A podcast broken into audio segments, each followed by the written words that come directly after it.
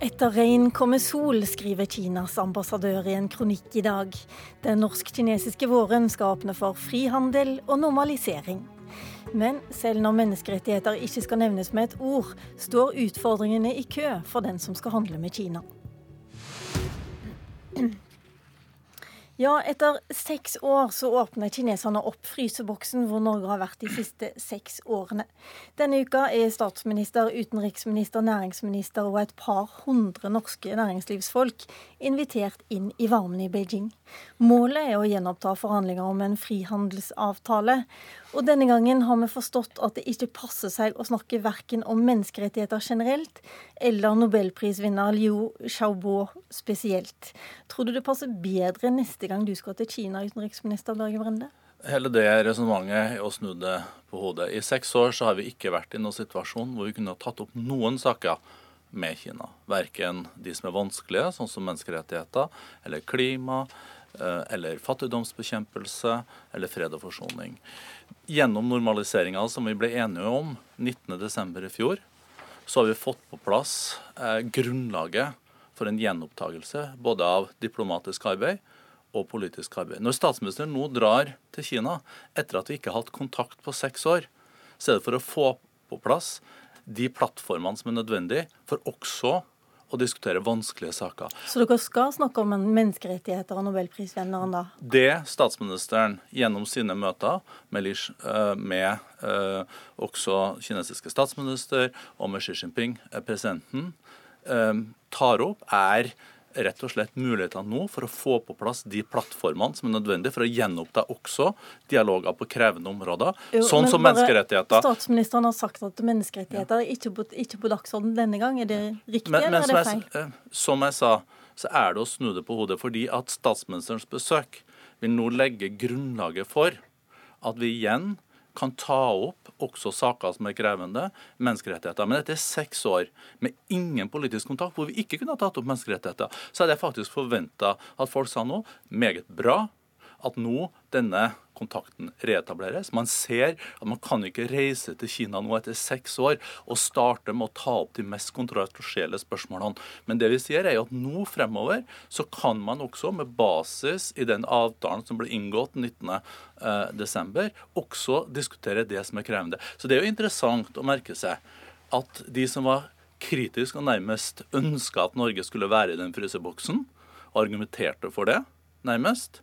Når er det noen nå, som har ønska at Norge skal ja, være fryseboks? Ja, har det kommet forutsetninger som er av en slik karakter at man ikke kunne uh, normalisere uh, forholdet. Når man nå Hvem tenker du på da? Nei, altså, når man nå har fått på plass en normalisering, så er det de eh, som har vært mest kritiske til denne prosessen, som leder til normalisering, som er det første til å si at vi skal ta opp de aller mest krevende spørsmålene ved første anledning. Det er jo ikke slik man driver diplomati, men alle som kjenner de diplomatiske prosessene, vet at ingenting i den forståelsen som man ble enige om 19.12. forhindrer oss i å ta opp menneskerettigheter. Tvert imot så skal nå statsministeren få på plass de plattformene som gjør selvsagt at vi kan ha en normal dialog også med Kina om disse krevende spørsmålene. Så man må faktisk greie å se ting i sammenheng. Okay, Men når man bestemmer seg for én vinkel, som bare går på at man skal ta opp det mest krevende spørsmålet med et land.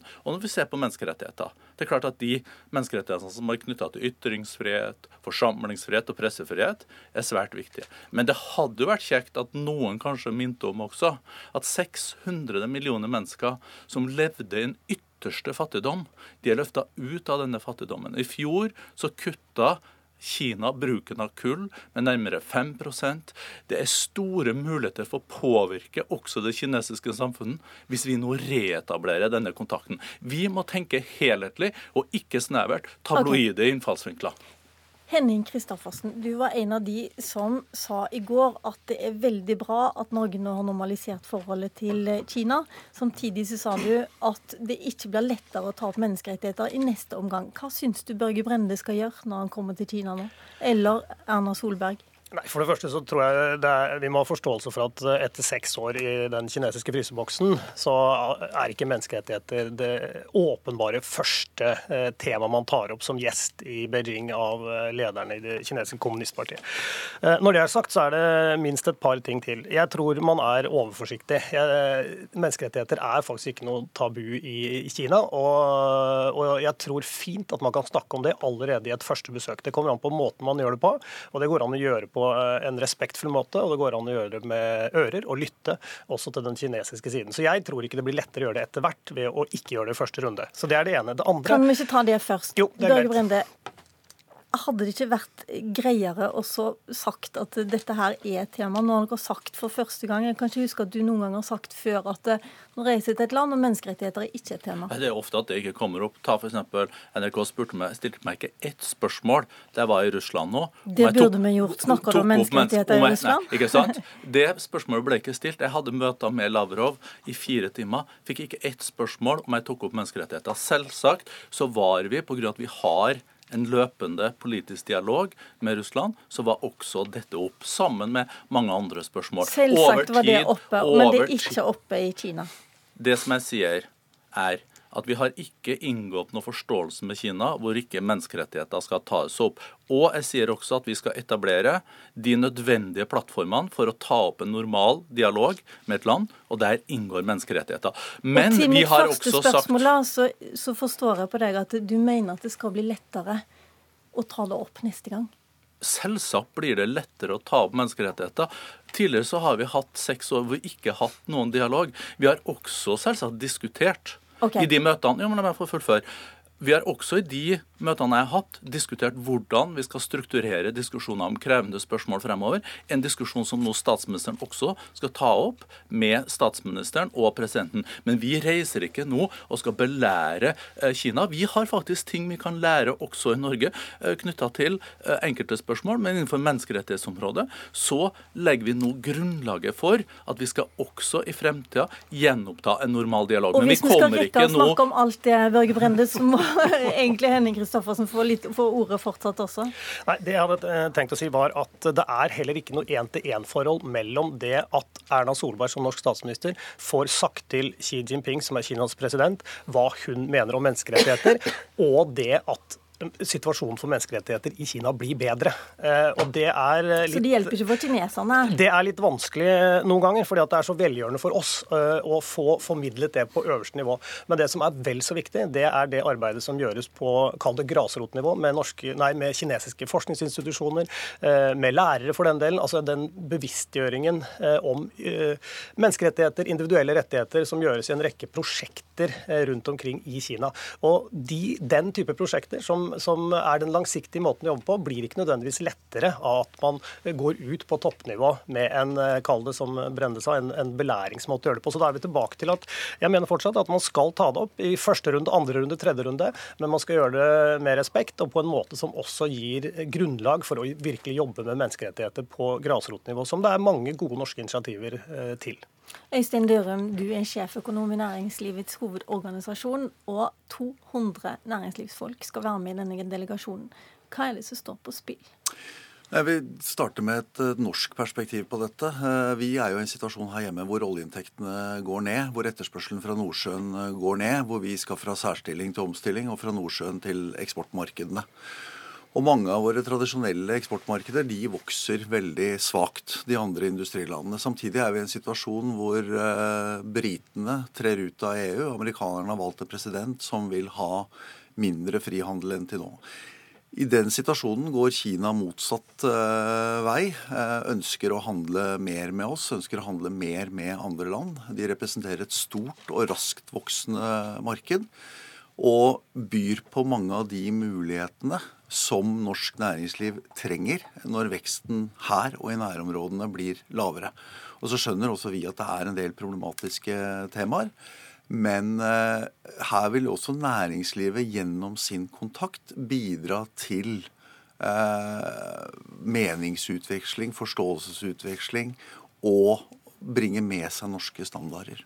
Er det frihandel eh, kineserne nå åpner for, eh, Henning Christoffersen? Du har bodd eh, i seks år i Kina, og du har jobba med dette mange år også i, den, også i Det Norske Veritas. Mm. Nei, det som er veldig fascinerende med Kina nå, er jo at de har en, en gigantisk, eh, de har et gigantisk eh, internasjonalt ambisjonsprosjekt, eller mange prosjekter.